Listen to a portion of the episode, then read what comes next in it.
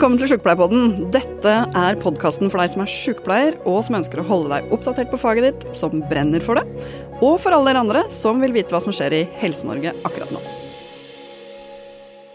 Hjertelig velkommen til en uh, ny episode av Sjukepleierpodden. Og vi skal uh, diskutere et veldig viktig fagfelt i dag, uh, Lill. Psykisk helse og rus. Det er særdeles viktig. Det er noe som vi i Norsk Sykepleierforbund selvfølgelig har jobba med i årevis som, som, fagfelt, men gjennom eh, faggruppa Spor har eh, løfta tungt inn til landsmøtet i forrige periode, som har ført til at vi uh, landsmøtet igangsatte et prosjekt psykisk helse og rus. Og eh, vi har også styre, forbundsstyret i etterkant som har eh, prioritert eh, psykisk helse og rus såpass høyt at vi har et frikjøp på, på leder av faggruppa vår Spor. Mm. Hvorfor tror du landsmøtet vårt er så opptatt av det fagfeltet her? Det kan jo hende at vi har noen viktige lobbyister for, for fagfeltet som sådan, men det er noen ting med at det, er klart at um, det er jo et forebyggende perspektiv, og det er et uh, også det er et, absolutt et forebyggende perspektiv for uh, uhelse. Uh, og så er det en segment, en pasientgruppe, som det har stor påvirkning på livet ditt som helhet av et, av et liv, og et langt liv. Med, som vi har pratet om noen gang før, om 20 år kortere levetid på, på en del av de, de personene med de, de lidelsene innenfor det, det feltet som er jo ikke bare knytta til uh, sykdom eller livsstil som sådan, altså ikke bare psykisk sykdom eller livsstil som sådan, men definitivt også somatisk sykdom. Og det vi har som sykepleier, er jo nettopp det helhetlige perspektivet som, som noen gang blir liksom slengt litt rundt som en sånn det er så lettvint å si det, er sykepleier det helhetlige perspektivet. Men det er jo akkurat det. Det er somatisk, det er syke, og det er sosialt eh, liv, og alle de tingene skal henge, henge sammen.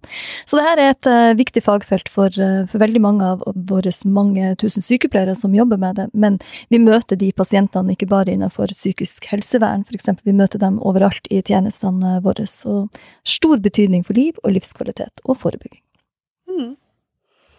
Det regner med at du er enig, Espen?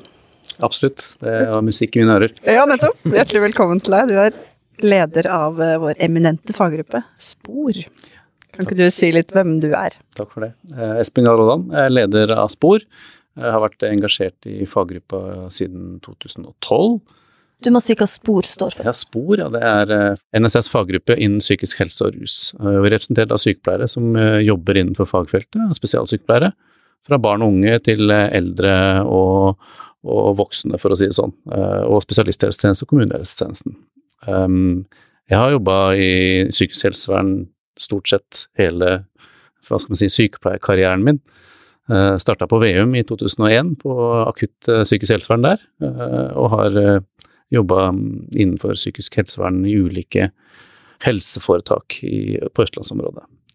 Siste har jeg jobba mye med ledelse og kvalitetsarbeid og fagutviklingsarbeid, og vært engasjert på arbeidsplassen, også knytta til utvikling av sykepleiekompetansen. Mm. Mm. Hvor mange medlemmer er det i Spor? Nå, I år så har vi hatt en ganske stor medlemsvekst. Vi har 27% medlemsvekst i år. Mm. Så nå er vi 1917 medlemmer i ja. dag. Så bra. Gratulerer. Takk. Veldig bra jobba. Ja. Og det er jo en del av strategien vår også, som vi samarbeider med Norsk Sykepleierforbund, er nettopp å løfte fagfeltet og få medlemmene til å engasjere seg og knytte seg til faggruppa fordi vi ser at det, det er en viktig, uh, viktig hva skal man si, område å samle seg om, da, nettopp uh, et, et, fagområde. Og, um, og, diskutere utvikling av tjenestene sammen. Uh, har dere lokallag òg, eller? Rundt omkring? Det har vi. Vi har 16 lokallag nå. Og så har vi noen som er i oppstart. Vi er jo helt avhengig av lokale drivkrefter og ildsjeler for å få det, få det, opp og gå, og det legger vi godt til rette for for å få til. Så nå skal vi starte i Møre og Romsdal. Skal vel ha et konstituerende møte i desember. Mm. Uh, Men hvis du skulle si, Espen, til en student, en uh, sykepleierstudent som jobber andre året, hva betyr det å jobbe innenfor psykisk helsevern, eller innenfor det feltet? For det er jo psykisk helsevern er jo sykehus, men innenfor det, det feltet med med psykisk helse og avhengighetslidelse. Ja, det er riktig, Lill. Vi har veldig mange som jobber også i kommunehelsetjenesten, og spesialsykepleiere og sykepleiere som jobber innen kommunehelsetjenesten med psykisk helse, er den, den største gruppa i kommunehelsetjenesten. Eh, til en student, for å få det inn i, eh, i varmen eller inn i, hva skal man si, i, i, fagområdet, så vil jeg jo si at det er utrolig fascinerende å kunne jobbe med med, med, med, mennesker som har store, utfordrende problemer, og kunne hjelpe dem, og familiene deres, ikke minst. Uh, dette er jo um, problemer som innvirker i hele familielivet. Det, og det er uh, langt mindre avgrensa enn innenfor somatikken, hvor man kan se mer klart avgrensa tilstander. og I tillegg så, så, er jo det som er um, Eh, viktig med sykepleierkompetansen inni der, at vi også har det helhetlige, som du sa innledningsvis, Lill, eh, at vi har med det somatiske blikket. Eh, og, og kan, kan, hjelpe både å forebygge, men også å behandle somatisk uhelse knytta til mennesker som sliter enten med rus eller med psykiske problemer. Um, vi jobber jo på gata med de helt, hva skal man si, grupper som helt, lever helt på siden av samfunnet med store rusutfordringer, til mennesker som har litt lettere psykiske plager. Så det er et veldig stort område og, og, og et veldig interessant fagfelt. Det var i hvert fall det som trakk meg i den. Mm. Tusen takk. Uh, Siv? Hei. Hei, hjertelig velkommen til deg. Du er prosjektleder i prosjektet som landsmøtet bestemte at vi skulle ha på psykisk helse og rus. Kan ikke du si litt om din bakgrunn, for du har jo vært i, jobba i feltet og forska på feltet i mange år? Ja, jeg begynner jo å bli voksen, så jeg har jo hatt nå, ja, jeg vil vel si 40 år innen fagområdet. Og når jeg var ferdig på sykepleierskolen da i 1986, så begynte jeg å jobbe i fengselet. Og jeg har alltid vært litt sånn opptatt av det som har vært spennende og utfordrende, hvor jeg har opplevd det å komme sånn personlig på strekk. Uh, og jeg syns det har vært utrolig berikende og spennende å få liksom komme nært inn på folk på ordentlig. Og ofte så er det jo sånn at når folk sliter litt, uh, da kan du liksom få til virkelig sånn betydningsfulle menneskemøter. Uh, og jeg syns på en måte at det har vært med å utvikle meg også som menneske, da. Så liksom det er liksom ikke bare meg, men det er i, i, i møtet mellom oss at uh, også jeg vokser, da. Mm. Altså, jeg er blitt mer og mer opptatt av hvordan vi som samfunn og, og, og vi som medmennesker er med å forme hverandre. For det er liksom ikke sånn at du lever ditt liv i en sånn ensom kontekst, selv om vi nå har fått New Public Management og alt dette er så opptatt av individualisering og kontroll og strukturer og systemer, så, så er det jo liksom det at det virkelige livet blir jo til eh, mellom oss, og vi skaper liksom det, det meningsfulle sammen. Og det å liksom møte et annet menneske og være med å skape mening for oss begge, det har vært veldig spennende og berikende. Ja. Hva var det som gjorde at du hadde lyst til å være prosjektleder i dette prosjektet, da? Som gjorde at du tenkte at nå skal jeg eh, gå fra den eh, jobben du hadde, som også var helt sikkert spennende, og så skal jeg gjøre det her i noen år? Ja, jeg syns liksom det var den ultimate utfordringen som kom liksom seilende forbi på fjøl, og jeg tenkte den må jeg bare gripe. Jeg hadde jo da jobba mange år eh, klinisk eh, som spesialsykepleier i akuttavdeling, og så hadde jeg jo vært leder da både for eh, sånn landsdekkende eh, utrednings- og utredningsprosjekter, og så hadde jeg vært leder på Rikshospitalet på nevroklinikken der, jeg hadde vært oversykepleier, avdelingssjef.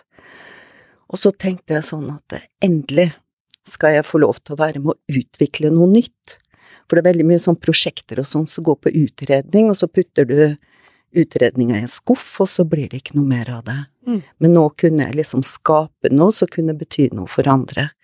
Og det var eh, det var veldig fint for meg. Og så kjente jeg jo Espen, sånn at eh, da hadde jeg liksom Det var litt sånn å komme hjem til mine egne, da. Mette Dønnåsen og mm. Det var liksom gode, gamle kollegaer. ja. Vi skal få høre mer om uh, det veldig spennende prosjektet og det dere har fått til. For det er ikke, det er ikke småtterier, uh, har jeg skjønt. Det, det, skal vi skryte litt av etterpå. Men først skal vi introdusere Tommy. Ja. Hjertelig velkommen, Tommy Sjåfjell. Ja. Tusen takk. Ja. Vi hører litt om deg. Ja. Eh, når Siv var ferdig på sykepleierskolen i 1986, så begynte jeg jo faktisk å reise på sjøen her, da. Så jeg var sjømann i masse, masse år. Jeg har en styrmannutdanning, en skipperutdanning faktisk, av alle ting. Eh, og så fikk jeg et rusproblem. Eh, og hadde da egentlig ganske heftig en del år. Og så begynte jeg faktisk i 2005, så begynte jeg på vernepleierstudiet.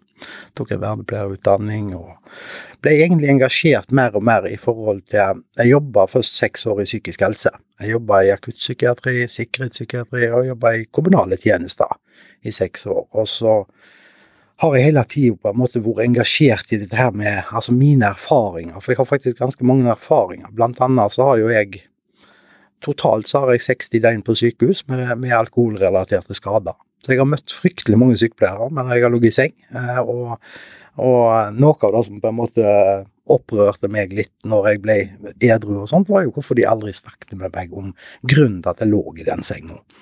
Sånn, Jeg liksom kom inn med knust ankel, og så ble de veldig opptatt av ankel. Men de var, var ikke så opptatt av, at jeg hadde tre i promille, at det var faktisk det som gjorde at jeg knuste ankel.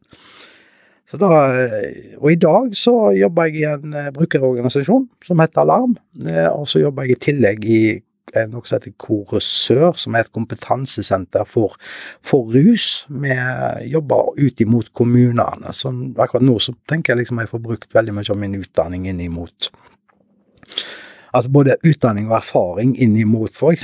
sykepleierutdanninger og sånne ting. Snakker en del om. Bruker egne erfaringer.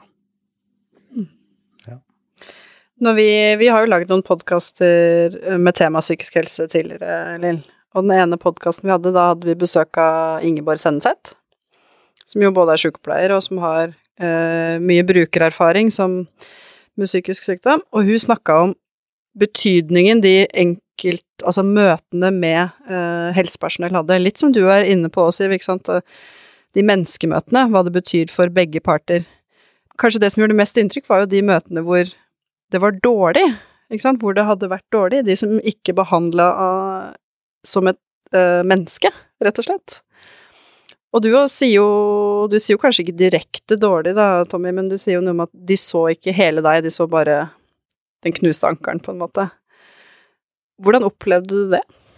Altså, Der og da så tror jeg ikke jeg tenkte så veldig masse på det, men jeg, altså, jeg husker spesielt ei innleggelse jeg hadde av sykehuset i Vestfold, og da lå jeg faktisk i 14 dager med akkurat den ankelen.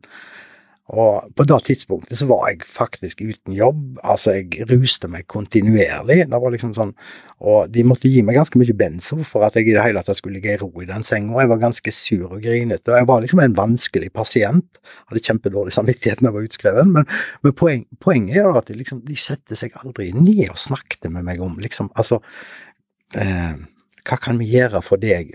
Altså, på utsida her Altså, eh, kanskje du skulle ha søkt behandling? Har du en utfordring? Altså, De tørte jo ikke å sette seg ned og ta den samtalen, om det handler om den berømte tidsklemma, eller om det egentlig handler om eh, om det handler om eh, da at de er, altså, at de, de er usikre på tematikken, da vet jeg ikke. Summa summarum så tok de ikke samtalen. Mens jeg, jeg må bare få sagt det òg, altså det er ikke så lenge siden jeg var innlagt ei uke på sykehus, og da kom sykepleieren inn og spurte meg er du 0507. Altså de brukte fødselsnummeret mitt til å henvende seg til meg, og da blir jeg litt sånn bekymra. Da blir det liksom sånn, da blir jeg plutselig et nummer. Og da er det, det, det, er liksom sånn Jeg trodde kanskje vi var kommet lenger i dag, altså. Ja. Mm. Eh, Espen, vet du har vi kunnskap om hvorfor man ikke spør om sånne ting? Fordi lærer, jeg tenker jo at sykepleierne lærer jo at vi skal se hele mennesket, og at vi skal spørre om eh, mer enn bare den eh, ankelen. Eh, vi har kunnskap eh, delvis om det, og det handler jo om usikkerhet eh, knytta til det. Eh, jeg syns det er litt så interessant at vi, eh, som, når vi lærer opp sykepleiere Jeg jobber jo også på Louise Mediakonal høgskole som, som studieleder til vanlig, da, og ikke mm. er leder av spor. Eh, men når vi har, legger til rette for sykepleierutdanninga, så, så, lærer vi jo de til å, å spørre om ganske intime spørsmål. Eh, håndtere ganske intime saker ved mennesket. Eh, saker Altså, du håndterer eh, eh ting som man vanligvis ikke eh, har interakterer med fremmede med. Men akkurat når det gjelder rus, eh, også psykiske problemer, så, så, er det en terskel som jeg ser at sykepleierne ikke er gode nok, og spesielt innenfor, altså innenfor andre grupper, som Tommy sier. Da. Og Det er jo der vi ønsker å løfte det fagfeltet, og nettopp integrere det, sånn at sykepleierne i større grad blir trygge på å spørre. Uh, gjøre den kartleggingen. Vi ser jo fra eksempler f.eks. På, på sykehus som har gjort ruskartlegging på, hos innlagte i somatikken. Uh, så er det utrolig mange mennesker som har et, uh, et forhøya rus- eller forhøya alkoholbruk spesielt, men som ikke er klar over det. Eh, og det handler jo også om helsekompetanse, at man da er klar over at man drikker mye, men man trodde det var normalt fordi det er sånn jeg lever, det er sånn jeg ser kollegaene mine leve, osv. Og, eh, så vet vi at med litt kunnskap så kan du redusere litt, eh, og det kan gi ganske store, gode helsegevinster på sikt. Hmm. Ja, Lill. Nei, tenkte, Vi hadde jo en episode tidligere, Silje, også om en podkastepisode tidligere om, om, det med fedme. Mm. Og stigma til det. Jeg tenker det ligger noe stigma i det her òg, og litt uh, mangel på kompetanse, som, som, som, Espen sier. Og for å bruke min egen erfaring, så jeg jobba de fleste årene mine jobba på hjertekirurgisk avdeling. Eh, og på veldig, altså somatiske avdelinger, flere somatiske avdelinger. Det er klart at de pasientene som kom inn, vi fikk jo selvfølgelig pasienter med, med rusproblemer, med, som hadde hjertelidelse, eller som hadde skada seg eh, på ulikt eh, vis. Det var alltid regna som Jeg skal ikke snakke for alle, men, men, likevel, det var en slags sånn diskusjon i, i, i vårt kollegium likevel, som at det er litt vanskelige pasienter. For det første så røkte de ofte. Og det passer jo ikke inn med det somatiske systemet, ikke sant, at vi skulle måtte følge de her folkene ut, eventuelt, og kanskje hadde de oksygen, og det kunne være mange ting som var knytta til det. Det passer ikke inn i det somatiske strukturen vår. Eh, de kunne ha eh, pårørende som også røkte, og kanskje var litt slitne, og vi måtte passe på med medikamenter. Det var liksom flere ting som var en sånn diskusjon om hvordan vi gjorde de her såkalte litt vanskelige pasienter, uten at vi kalte dem vanskelige pasienter. Og så er det jo som Tommy sier, noen av dem var jo òg krevende å forholde seg til. Eh, for min del, siden jeg var 23 år og lita og tynn, og så skulle jeg forholde meg til en stor, krevende mann som var i abstinenser og hadde sine utfordringer. Jeg hadde ikke kompetanse på det. Det var ikke noe støtte egentlig i det, i det kollegiet eller fra, fra legene på det. Jeg tror ikke de heller egentlig hadde noe særlig kompetanse på det. Og så det som endte ofte med, var jo at det var vektere som kom inn og på en måte sørga for at vi var trygge og sikre i situasjonen, men det var jo ikke en god sykepleie likevel til den pasienten. Det her er jo noen år siden, det begynner å bli eh, 10-20 år siden jeg har jobba i klinikk. Sant? Så det kan hende det har endra seg, jeg håper det. Fordi vi har jo nettopp det som, som Espen sier, vi lærer noen ting om helheten i det, men samtidig, vi har ikke nødvendigvis den treninga. For min del, som jobber stort sett i somatikken, så hadde jeg ikke den treninga på å forholde meg til um, psykisk syke eller uh, rusavhengighetslidelser uh, hos pasienter. Men det er noe dypt menneskelig å ikke ønske å gå inn i de vanskelige tingene, da. Ikke sant? Altså, vi, vi, har jo disse, som du sier, vi snakker om fedme, eller om vi snakker om seksualitet, eller om vi snakker om rus. Uh, så skal du spørre om det, og så skal du svare, og så hva skal jeg gjøre med den informasjonen? og det er vel sykepleiere, eller helsepersonell, de trenger jo den kunnskapen. Og jeg tenker at hva, Siv, når dette prosjektet, som må ha sett på kompetanse og kunnskap, og hvordan skal vi spre det, har dere tenkt på Eller liksom, hvordan har dere tenkt når dere har gått inn i det uh, uh, Hva skal jeg kalle det, altså de spørsmålsstillingene? Har dere tenkt sykepleiere? Har dere tenkt spesialsykepleiere? Har dere bare tenkt psykisk helse? Har dere også tenkt somatikk? Altså, vi har jo jobba inn du kan si, tre hovedakser, og den ene den handler jo om det med identitet. Altså, altså, hvem er jeg som sykepleier, hvem er vi som sykepleiergruppe, og hvordan er det vi vil framstå overfor omgivelsene? Og da har vi tenkt at det med kunnskap er et fundament. Og vi vet jo at i, altså um, du etablerer på en måte kulturen og eh, identiteten din allerede i grunnutdanninga, i bachelorutdanninga. Og dermed så har vi gått videre og sett på hva er det som skjer i bachelorutdanninga, og så har vi brukt fagområdet psykisk helse og rus til på en måte å få et innblikk i hvordan det vektlegges. Og det er ganske interessant å se at det er veldig sprikende hva studentene lærer, når de lærer det, hvilken pedagogisk metodikk de, de på en måte utsettes for, og eh, hvordan resultatet måles. Og det betyr jo at vi får eh, kandidater som kan være veldig ulike ut på andre enden. Og det slår jo videre inn når de kommer ut og skal eh, møte arbeidsgiverne og pasientene ute, for da er det jo usikkert hva, hvilken kompetanse den enkelte har.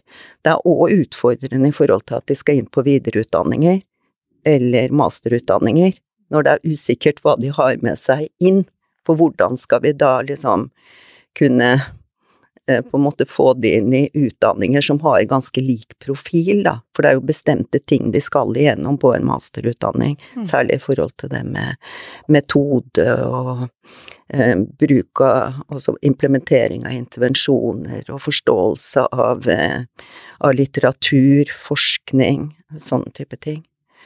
Så det at ikke utdanningene på en måte er omforent om eh, formidling til studentene, det medfører jo på en måte problemer helt fram til hva, hva resultatet blir på, på utdanna sykepleiere.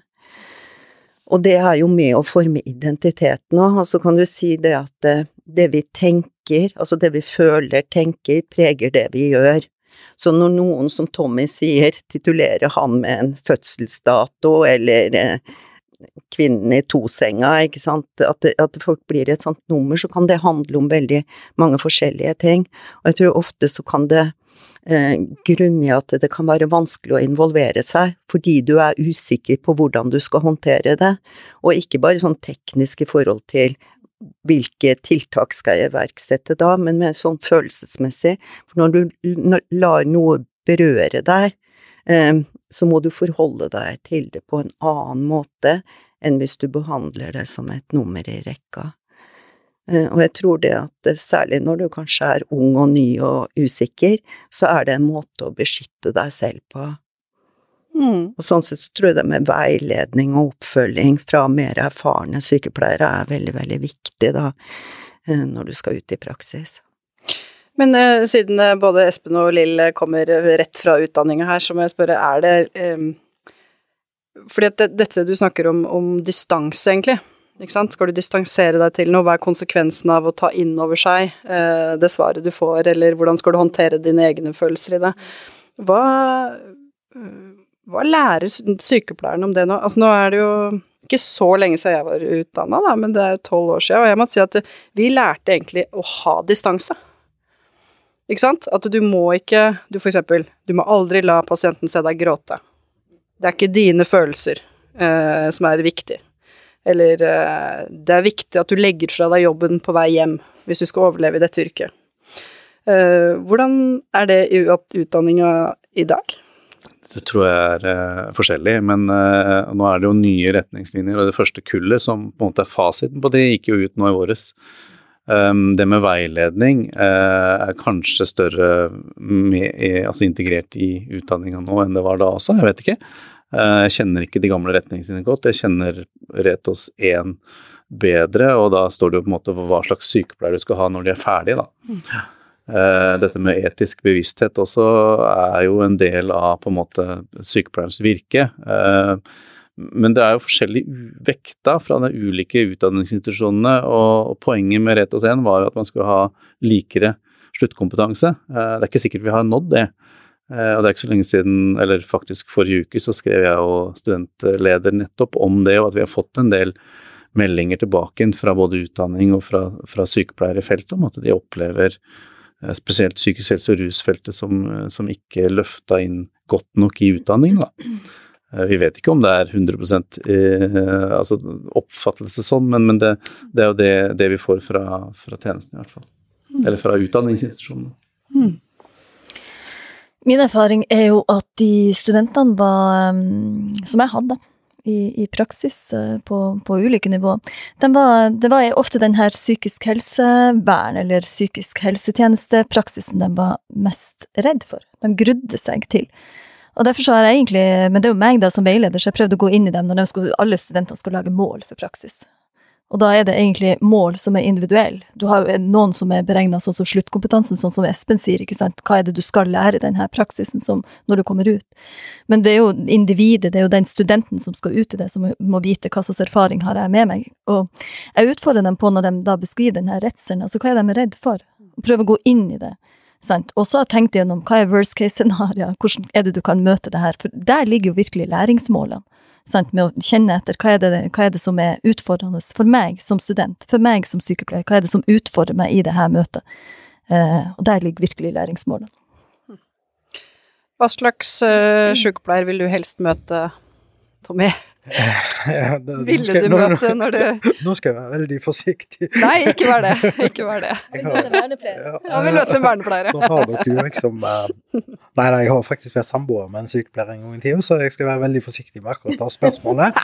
Så, men jeg, jeg tenker Tenker ikke på privat. Ja, nei, men jeg, ikke Altså, jeg, jeg tror da at helsepersonell, sykepleiere, vernepleiere, de må tørre å gå nært. De må tørre å bry seg, de må tørre å, tørre å føle. Altså Hvis ikke de tør å føle, så, så, så, så bommer vi.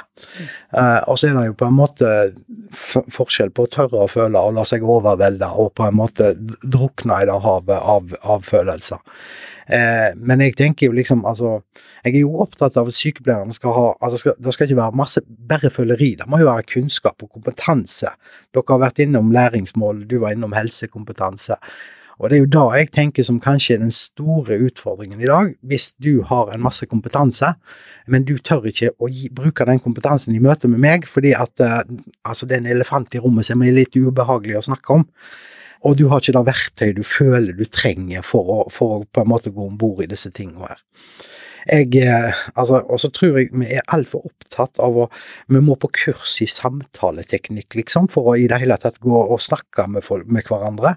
Altså, har du ikke vært på kurs i manipulerende intervju, så kan du liksom ingenting. manipulerende intervju. tror sånn. altså, ja, men altså, jeg tenker liksom den, den der, den der altså liksom da også tørre å gå inn i den samtalen, tørre å undre seg. Vi må ta det inn over oss. Nå putter litt penger på meg, og da bare fortsetter jeg å prate. Vi må ta det inn over oss at eksempel i om åtte år så antar vi at vi har 83 000 eldre med et problematisk alkoholforbruk i Norge. De 83 000 eldre, de går på medikamenter. Altså eh, eh, ca. 67 av de går på mer enn fem medikamenter. Pluss at du har en kropp som er i aldring. Kombinasjonen av aldring, medikamenter og rødvin er ikke bra. Og jeg vet ikke, altså jeg har aldri sett, jeg har lest litt i felleskatalogen, men jeg har ikke sett noen medisiner som det står tas med portvin. Sant? Altså, det, det, er med, det er noe med den der altså Disse tingene må vi gå om bord i. Altså, må vi gå om bord i det på en fin måte. Altså, Vi skal ikke på en måte si til de vi møter at du har et problem, du er avhengig. Du må faktisk begynne å snakke om altså, sammenhengen mellom rett, altså, at du er svimmel når du står opp om natta. At det da handler kanskje om medikamentene og det ene glasset med rødvin. Som ikke har noe med avhengighet å gjøre. Men vi må, altså vi må rett og slett kompetanseheve brukerne. Hvis ikke så har vi et kjempeproblem i framtida. Men er alkohol, altså vårt forhold til alkohol som kulturbærer og det ene og det andre, gjør det at vi også syns det er vanskelig å gå inn i det diskusjonen? For du sier, altså sånn som du sier, det ene glasset med rødvin, eller ja, er det noe problem, da? Vil jo de fleste pasienter møte det med. Ja, altså jeg tror da at det handler litt om oss sjøl òg, at altså, det her er jo noe, med, med, noe veldig mange bruker sjøl òg, og da blir det blir vanskelig. Og så tror jeg da at det, vi, må, vi, må, gå litt vekk fra det som handler om avhengighet. Vi må snakke om det som, det som handler om helseskade. På samme måte som vi gir kunnskap om sammenhengene mellom høyt blodsukker kosthold og aktivitet, må vi faktisk gi kunnskap om alkohol. Og så tenker jeg da at det, det må bli opp til den enkelte etterpå hvordan de bruker den kunnskapen. Men jeg trenger Altså, når vi har Er det, er det 1800 lårhalsbrudd i året, eller noe sånt? Eller dødsfall etter lårhalsbrudd? Jeg tror det er 1800. så bør vi spørre oss sjøl hvor mange av de lårhalsbruddene kunne vi forebygd gjennom og tematisert en del sammenhenger. Jeg føler at når vi snakker om lårhalsbrudd, så pleier vi å snakke om sånn fallforebyggende tiltak, eh, ta inn teppene. Ja. ja. Men kanskje, kanskje, du må fjerne den treliteren på, på Snakke om den treliteren samtidig så, så når du setter dosetten på kjøkkenbenken, og for å få plass til dosetten, så må du ta vekk en treliter. Da, da, da bør du snakke om det. Så jeg blir litt nervøs på. Ja, men det, kunnskap, eh, kunnskap, er viktig. Og eh, vi, Lill, i Sykepleierforbundet, vi har jo vært opptatt av at sykepleiere skal ha masterkompetanse. Innenfor psykisk helse og rus så har vi rett og slett mangla det. En egen utdannelse for eh, sykepleiere. Mm. Jeg vet ikke om du husker det, Espen, ved det landsmøtet i 2015? Eh, nei, jeg var ikke der, men jeg husker landsmøtevedtaket. Men i alle fall, det var eh, blant annet jeg da som løfta på vegne av eh, faggruppa Spor, så, eh, eller flere av deltakerne i faggruppa Spor, så løfta vi at vi måtte ha minimum 30 studiepoeng ensretta innenfor, syke, altså innenfor en master som var knytta til master innen psykisk helse, måtte være sykepleierretta. Um, og nå har vi jo da fått på plass en master i Vet du, Espen, du må si navnet. Master i sykepleie innen psykisk helse, rus og avhengighet. Jeg prøvde, jeg prøvde meg på at dere må finne et annet navn som er litt, eh, litt sånn som spor. Vi må forkorte det. ja. men, men, poenget er jo nettopp det å ha en, eh, en, For vi hadde jo det før. Det ble jo da kalt en psykiatrisk sykepleier. Eh, og så ble det en mer sånn tverrfaglig, som heter en master i psykisk helse. Eller en videreutdanning i psykisk helse. Og det er klart, det var på veldig ulikt nivå, og det kunne helsefagarbeidere og andre også ta som kompetansehevende, så det var viktig og bra, men det var ikke i nærheten av den kompetansen som sykepleierne hadde som eh, på den tidligere utdanninga. Og nettopp med det, det, bildet som Tommy tegner her så, så bra, så trenger vi den særlige kompetansen innenfor sykepleie. Sant? Ikke på diagnostikk med, og ikke på behandling som sådan, men mer det helhetlige som også tar inn over seg den somatiske delen ut av, eh, av, um, av de lidelsene og problemene som de her pasientene kommer utafor. Vi må av og til prate om ankelen også, Tommy. Men den masteren, det tenker jeg det er et veldig godt eksempel på team effort. Uh, fordi det har man fått til fordi at prosjektet har jobba veldig målretta med det, Spor har jobba veldig målretta med det, fagavdelinga vår, politisk ledelse. Altså Uh, og, og, det kommer ja. fra medlemmene uh, våre, fra sykepleiere som så at det her er et behov for at man klarer ikke å møte pasientene sine behov på en god nok måte med den kompetansen vi har. Så det kommer syvende og sist fra medlemmene som ser pasienten. Mm. Men er den satt i gang, eller? Uh, den er fastsatt i mars. Nettopp. 5. mars i år, men mm. med mulighet for oppstart til neste høst. Så langt så ser kartleggingen ut at det ikke er noen som rekker å starte opp neste høst. Kanskje én eller to, eh, men det er litt usikkert ennå. Ja. Det handler også om finansiering, og det handler om å planlegge et nytt masterstudium eh, som, eh, som er krevende for utdanningsinstitusjoner. Mm. mm. Hva tenker dere er det viktigste man skal lære gjennom den masteren? Siv? Altså først så fikk jeg bare veldig lyst til å, å, si noe, og det er jo kanskje, kanskje det kan være litt upassende, men jeg registrerer jo nå at flere av utdanningsinstitusjonene satser på å bygge opp utdanninger for psykologene. Og så forundrer det meg veldig når jeg ser i framskrivningsrapporten at det står at eh, om 13 år, og det er når jeg eh, begynner å muligens få behov for sykepleiere, da vil vi mangle syv, over 27 000 sykepleiere og 17 000, jeg tror det var 600 helse- og omsorgsarbeidere. Eh, men det står også i denne rapporten fra som Statistisk sentralbyrå har gjort beregningene til, at vi vil ha nok psykologer, leger og tannleger, og det henger jo sammen med den demografiske utviklinga. Vi får færre i ung alder, og så får vi langt flere godt voksne. Eh, og vi, når vi får flere yrke, altså færre i yrkesaktiv alder og flere som trenger hjelp, også unge uføre, så vil vi måtte gjøre ting på en ny måte. Og da må eh, sykepleierne tenke nytt om hvordan de kan på en måte legge om måten de skal jobbe på. Det blir behov for at vi følger opp de som komplek, altså har komplekse tilstander, og som trenger avansert behandling, og veldig mange av de vil måtte få den behandlinga i hjemmene. Og vi vil òg måtte veilede og undervise og støtte personell uten sykepleierkompetanse, sånn at vi må i større grad påta oss et veiledningsansvar og et ledelsesansvar, og det kommer òg til å bli et enormt behov for koordinering av tjenestetilbudet, og i dag ikke bare koordinering mellom helseprofesjonene, men det vil også måtte koordinere familie og, og frivillighet for at vi på noen måte skal kunne møte det behovet som, som står framfor oss. Det er jo mye fokus på psykisk helse i det offentlige ordskiftet, syns jeg. Men er, da er det ofte fokus på psykologene og psykiaterne. Eh, kanskje helsesykepleierne får lov til å liksom få en liten fot innafor. Eh, når vi diskuterte denne podkasten, eh, Espen, så viste du til noe forskning som var litt spennende med disse zombieforskninga, den grå massen. kan du ikke si noe om det, knytta til sykepleiere og egentlig andre helseprofesjoner da, i feltet? Ja, det, det jo, var en, um, et foredrag som vi hadde på nordisk konferanse i Bergen, fra svenske kollegaer, som mm. har gått inn og undersøkt uh, hvorfor de sliter med å rekruttere spesialsykepleiere innenfor psykisk helse. Uh, og det er jo tilsvarende i Norge. Vi har fått innspill både fra klinikken at de sliter med å rekruttere, Eh, men det viser jo også eh, rapporter som, eh, som Sintef gjennomfører årlig, at spesialsykepleiere er kanskje den gruppa som er en av de vanskeligste å rekruttere i kommunehelsetjenesten. Men dette prosjektet, da, Zombies for hire, så gikk de inn da og så på jobbannonser i, i Sverige. Og så ok, men hva er det som karakteriserer jobbannonser? Hvordan skal vi tiltrekke oss fagfolka? Og da var det ofte De gikk inn og analyserte ganske mange hundre jobbannonser. Eh, og det de så igjen, var at vi ønsker egenskaper som omstillingsvennlig, du skal være fleksibel eh, osv. Og, og det ser vi også i Norge, eh, ikke bare innenfor dette fagområdet, men for andre fagområder også. Og da var jo den litt sånn spennende spørsmålet som de forskerne stilte seg, ja, men er det dette som tiltrekker høyt kompetente fagfolk? Er det det du ville, ville solgt inn for å tiltrekke deg andre faggrupper når du da skal ha de til å søke? Eh, kanskje ikke, eh, og da må man se litt og vende litt på den eh, måten man selger inn faget på, da, og den arbeidsplassen man representerer. Hm. Ja.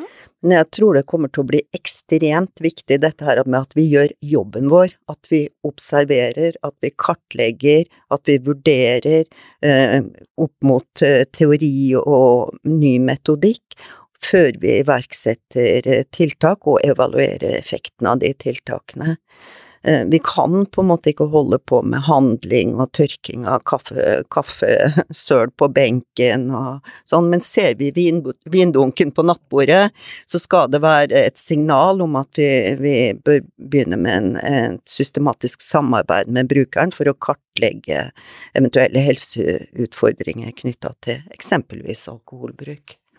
Men det, eh, det, er jo litt sånn hvis, Hvordan skal du se den vindunken på nattbordet når det blir så stor mangel på sykepleiere at vi ikke vi er de som er i det rommet lenger? Altså, ikke sant, fordi det er jo det som eh, du bruker det eksempelet innimellom, Lill, med at noen ganger er det sykepleieren som skal rulle hår, fordi at du observerer og du gjør andre ting. Men hvis vi eh, får helt andre roller som blir, tråk, altså, som blir tatt vekk fra det kliniske, da, tatt vekk fra pasienten, hvem skal da gjøre det, tenker vi? Hvem, skal observere det? Jeg tror aldri sykepleierne kommer til å trekke seg vekk fra, fra pasientene som sådan, men at de må tenke rolleutvikling er jo helt klart. Og, og også Helsepersonellkommisjonen som leverer sin innstilling i mars-februar. Mm. Ja, ble jo veldig, veldig, spennende, og det var også veldig tydelig på inn der at vi må se, se og definere rollene mye tydeligere innenfor helsevesenet. Eh, og kanskje også spesielt eh, innenfor psykisk helse og rus, fordi uh, jeg har brukt tid på å vaske biler og lage omeletter Eh, og noen ganger kan det være riktig sykepleie, eh, men ikke når det er, eh, er helseforetaket sine biler, kanskje. Men hadde det vært, vært en pasients bil, og vi hadde gjort det i lag, så kunne det vært riktig. Ja. Så det å gå inn og være langt tydeligere på oppgavedeling, som jeg også oppfatter at vi er veldig enige om i Norsk Sykepleierforbund, vil være, være framtida. Og så er jo den masteren som, som er på trappene, er jo også veldig Eh, skal jo også ha en eh, utvikling og innovative komponent i seg. Vi må utvikle tjenester, vi må løse oppdragene våre på nye måter framover, og der vil den, eh, den masteren være riktig. Mm. Hva er ditt perspektiv på det her, eh, Tommy, både som vernepleier og med brukerbrillene på? Nei, altså da jeg tenker liksom, altså rus og psykisk helse, for det første, punkt én. Alle sykepleiere må forholde seg til rus og psykisk helse. Det er liksom punkt én. Og så tenker jeg liksom sånn at dere nå får en master uh, i, sykepleie. Da håper jeg dere bruker de, de masterne på en god måte. Altså Med det så tenker jeg da at kompetansebehovet er kanskje størst i, altså i, ute i primærhelsetjenesten, i de somatiske helsetjenestene, inne på somatiske sykehus.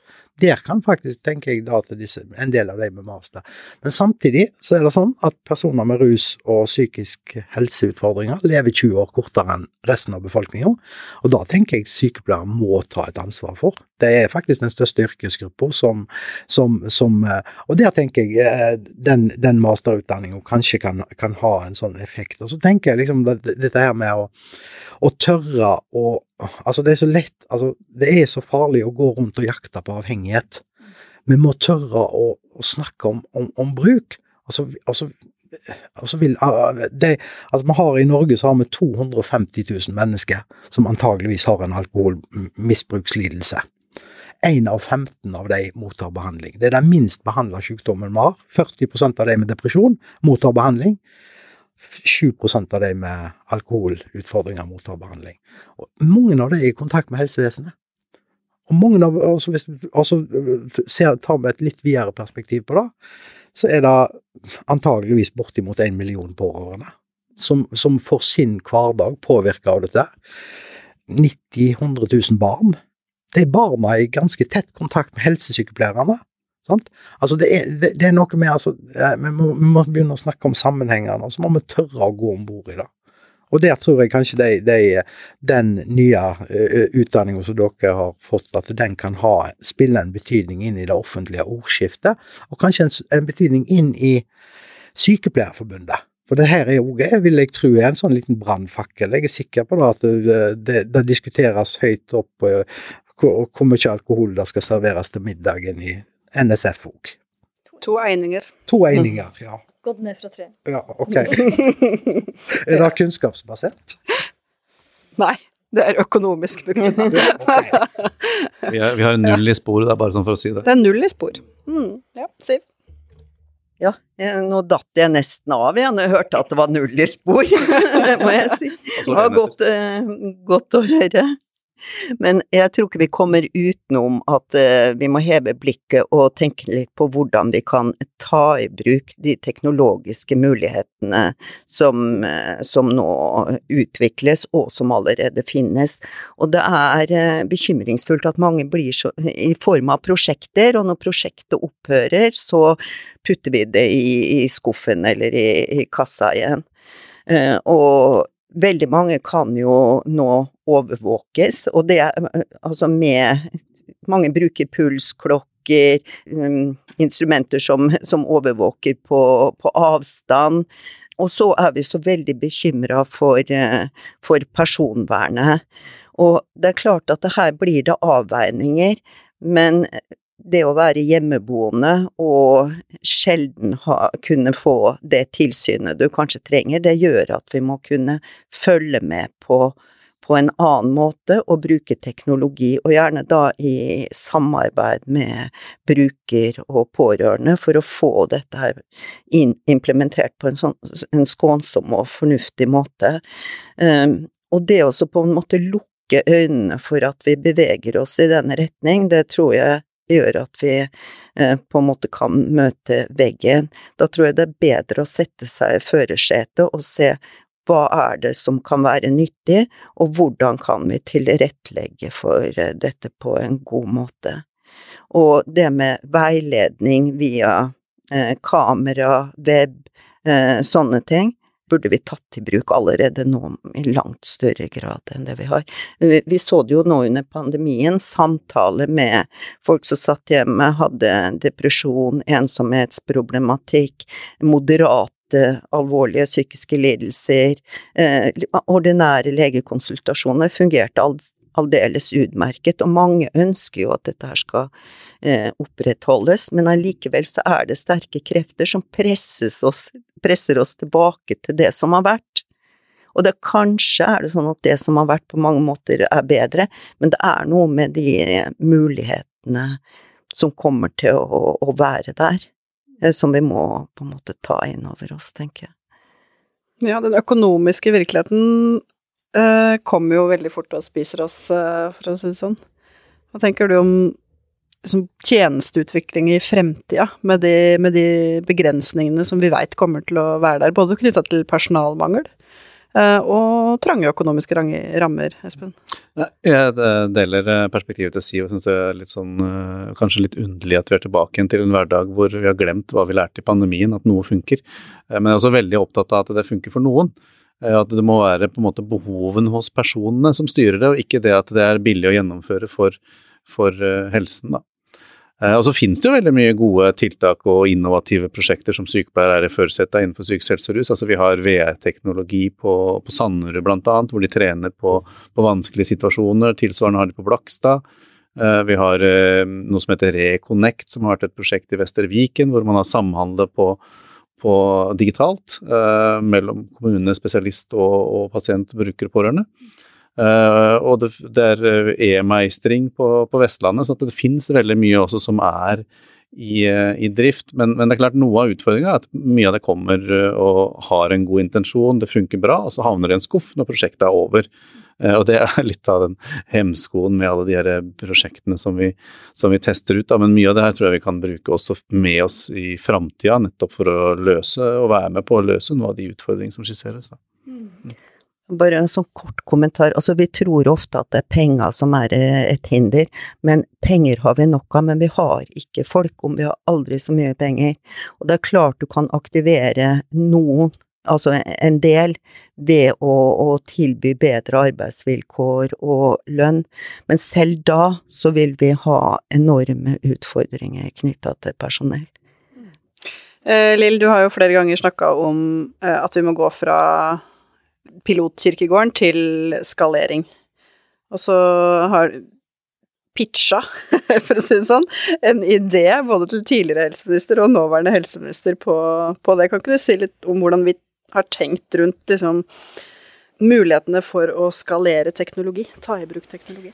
Vi har jo pitcha inn det at vi vet jo at det er, som, som, som dere sier, det er jo en hel del eh, teknologiske nyvinninger, innovasjoner, digitale løsninger som både er pilotert, det er forska på eller gjort rapporter på som vi vet funker til både pasienten sitt formål, altså det kan forbedre eller holde ved like en kvalitet på tjenestene, og det kan frigi kapasitet i helsetjenesten. Vi trenger begge deler. Vi må både ha en kvalitet, men du må også frigi kapasitet i helsetjenesten. Vi har pitcha inn at eh, la oss si at uh, Helsedirektoratet, eller E-helsedirektoratet, hadde samla sammen 30 ut av de beste, beste mulige digitale løsninger som er forska på, pilotert, og vi vet funker. Og så gir man det ut til eh, kommunene med da en mulighet til en statlig støtte. At hvis dere benytter dere av de her, så får dere mulighet til en statlig støtte også, for å få, nettopp få skaleringa opp. Og så vet vi jo noen ting om at en del av de gründerne trenger også skaleringsstøtte utover eh, norske forhold, internasjonalt også, for å kunne gjøre det faktisk rimeligere til norske kommuner å ta i bruk eh, også. Så um, det er jo noen ting med kommunene sin autonomi på hva de kjøper, men samtidig er det vanskelig å kjøpe eller bestille noe når du ikke vet hva det er for noe, kanskje ikke heller har god nok bestillerkompetanse alltid til å vite i et mylder av ulike løsninger. Så derfor ønsker vi at det skal være noe som er stata fra myndighetsnivå om at det her er pilotert, forska på, funker. Dere får en statlig støtte til implementering hvis dere benytter dere av det. Mm. God idé, sant? Ja. uh, vi skal begynne å gå inn for landing, uh, men uh, jeg vil utfordre dere helt til slutt til å gi et lite råd på veien til sykepleiere, både som jobber i somatikk og i psykisk helsevern, for å liksom minne seg sjøl grann på å, å tenke psykisk helse i møte med pasientene. Uh, hvis dere skal liksom gi en hjemmelekse, da, til de som lytter nå, hva ville det vært? Vil du begynne, Tommy? Jeg føler at du har hjemmeleksene klare. Jeg har hjemmeleksene Ja. klare. Jeg sitter her med et stort ark foran Ja. meg. Ja, nei, men det er vanlig. Nei, hvis jeg skal gi et tips til, til sykepleiere, så tror jeg det er på en måte for det første, og det tror jeg alle sykepleiere vet, altså, altså og da å bli syk, det er veldig ofte en psykisk belastning. Altså, da, det altså syke og soma henger sammen. Og så tenker jeg liksom at eh, det jeg tror sykepleierne og alt helsepersonell må tørre, det er faktisk å tørre å gå nært. Tørre å undre seg sammen med. Altså det der liksom rett og slett altså, altså ha et dialog, kommunisere. Og så tror jeg til syvende og sist det handler om det som Lill begynte å si, dette, altså liksom det her med å forebygge uhelse. Sant? Altså da gå inn i tematikken psykisk helse og rus. Det kan være med å forebygge uhelse, og det kan faktisk være med å demme opp for noen av de utfordringene som vi vil få framover. Alle som har kikka i perspektivmeldingen, blir bekymra for hvordan det ser ut framover. Altså, jeg eh, Altså, jeg, rett og slett, jeg er redd for å bli gammel. Det er rett og slett fordi at vi vet ikke hvordan helsevesenet ser ut om 20-30 år, altså. Så, men da er tipset mitt tør å gå nær. Tørr å gå nær. Ja. Takk. Siv? Ja, til sykepleiere så vil jeg si se, tenk klokt, føl, og møt mennesket du har foran deg. Takk. Espen? Ja, det er bare litt vanskelig å følge opp, suksessiv, men tør å, å spørre og utforske. Eh, ta deg tiden. Eh, jeg vet at mange sykepleiere der ute har, er veldig på strekk. Eh, og tid er kanskje et fyord å si at du må ta deg tid, men allikevel så er tiden ganske veldig verdifull akkurat i sånne øyeblikker, og spesielt i et forebyggende perspektiv. Så den tiden du tar deg, den, den kan ikke måles i vinning senere, for å si det sånn. Eh, og så er jeg også opptatt av at sykepleiere engasjerer deg. Eh, vær engasjert sykepleier, ta et, et samfunnsansvar. Vi sykepleiere er også utdanna til å ta et samfunnsansvar. Uh, meld, meld, deg inn i spor.